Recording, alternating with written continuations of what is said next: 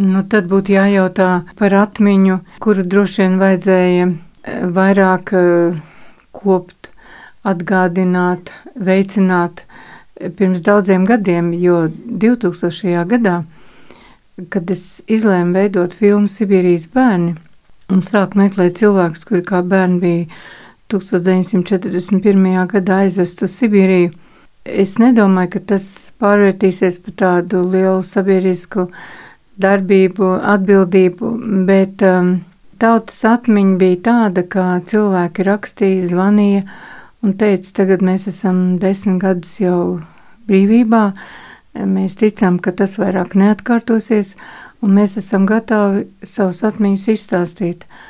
Un varbūt par 41. gadu izsūtījumu ar atmiņām tas bija tāds pēdējais brīdis, jo ļoti daudz cilvēki vairs nebija un, un nevarēja izstāstīt. Uh, Un tā tas sākās, un es izveidoju filmu Sibīrijas bērni, un tad teica, kas tad būs nākamā filma, un tad mēs braucam uz Sibīriju, un tad mēs sākam ekspedīcijas organizēt, jo eh, Sibīrijas bērni, kas bija atgriezušies Latvijā, teica, ka viņi gribētu aizbraukt uz tām vietām, kur viņi bija izsūtījumā, varbūt arī sameklēt kādus savus bērnības draugus, apmeklēt vietas, kur mātes palika, un um, vecmāmiņas eh, tuvinieki, Nu, tā tas sākās. Jūs jautājat, kas ir ar tautas atmiņu?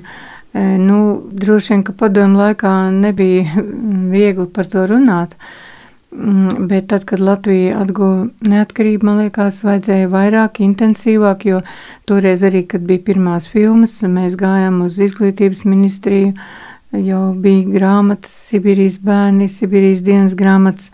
Mm, nu, tas e, mehānisms birokrātijas, viņš ir diezgan smagnējs un, un droši vien, ka mm, mēs neesam tie svarīgākie, kam un, un tās filmas, ka būtu skolās jārāda, bet tas it kā būtu varējis veicināt tādu, nu, lielāku aktivitāti. Taču jāsaka, pēdējos, nu, vismaz jau kādus desmit gadus mm, ir ļoti intensīvi skolās un reģionos un, un notiek konkursi un piemiņas pasākumi un, kaut kādu ārtavu fondu Sibīrijas bērni noteikti tam ir devis arī. Mēs braucam pa skolām, mums ir ceļojošās izstādes, un cilvēki, kas bija izsūtījumā, brauc līdz tam izstādēm, un ka bērni ierauga to nu, dzīvo cilvēku, kas tur ir kā bērns fotografijā, un, un, um, un ierauga viņu to interesanto stāstījumu, noklausās.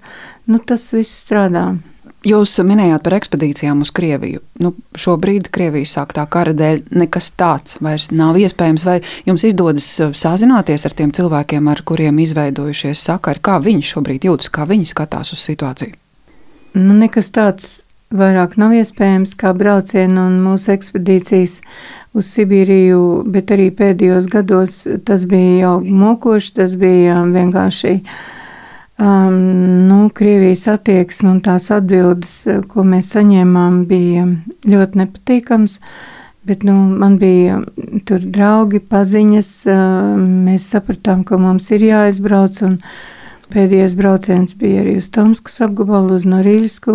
Nu, kā jūtas tur sibīrieši, jūs domājat, latviešu pēcteči? Nu, protams, ka viņi jūtas drāmķīgi un vairāk ir zvanījuši, lūguši kaut kā palīdzēt, kaut kā dēlu dabūt uz Latviju, uz Eiropu. Nu, bet, ja saulēcīgi tu neesi nu, dabūjis kaut kādu dubultu pilsonību vai to ārzemju pasi, kas ir vajadzīga, lai izkļūtu no valsts, nu, tad viens ceļš ir tikt līdz robežai un mēģināt tikt pāri un viņiem palīdzēt. Bet ir mm, cilvēki, kas ir kaut kādos labākos amatos latviešu pēcteči, un tādi ir talantīgi, izglītoti kad viņi gribēja dubult pilsonību dabūt Krievijā, viņiem to neieteica darīt. Nu, bet uh, mēs, mēs tagad redzam, mēs piedzīvojam un redzam to šausmīgo karu, un mēs tagad ar grūtībām saprotam, ka Krievija uz to gatavojās. Un ja 2000. gadā mēs teicām, nu, ir jāzina vēsture, lai tā nekad neatkārtotos, nu, redziet, ka tā vēsture atkārtojās vēl briesmīgākā veidā, vēl šausmīgākā veidā, iznīcinot uh, tik daudz cilvēku, simtiem tūkstošus. Tagad cik miljoni jau ir, ir bēgļi, cik ir bērni aizdzīti un, un pazuduši. Un, un tagad būs konferences prezidenta pilī, un tur es tādus video klipus izveidojām arī par cilvēkiem, kas jau dzīvo Krievijā izsūtītajiem, un viņi arī rītā konferencē piedalīsies un runās, tas ir tik aktuāli, jo arī toreiz sievietes ieslodzīja lēģerī par to, ka viņi tur maizes kartīti viltoja vai viņi bija maizīt kaut kur virtuvē, nu, paņēmusi, lai būtu ko bērnam iedot. Un, un viņai piesprieda 10 un 20 gadus, un, un, un tas mums likās absolūti neticami, ja. Un tagad atkal ir bērns, kurus nevar sameklēt. Toreiz arī, kad bērns piedzima lēģerī, viņš laikam bija pirmos uh, gadus pie mammas, vai vispār nebija nemaz. Viņas aizved projām, un viņas nekad nesameklēja. Jā, tā skumji un, un, un traģiski skatīties, ka vēsture atkārtojas 21. gadsimtā, kur patiesi tas šķiet nekam tādam nevajadzētu notikt, bet uh, šī traģēdija tepat blakus, vai tā atsaucas arī mūsu skatījumā uz pašu vēstures rētām? Nu, noteikti nu, ir eh, sabiedrības daļa, kurai varbūt eh, nekas daudz neinteresē, vai, vai teiksim, liekas, ka mēs esam tālu no tā projām, bet tā ir tāda mazākā daļa. Ir, es domāju, ļoti daudz cilvēku, sevišķi sibīriešu cilvēkus, nu, Latvijā taču gandrīz katra otrā ģimene, kur ir skārs izsūtījums, uh, cilvēki man zvana, mēs sarunājamies, satiekamies. Viņi saka, ka viņi visu laiku dzīvo tikai ar, ar domām un ziņām par Ukrainu.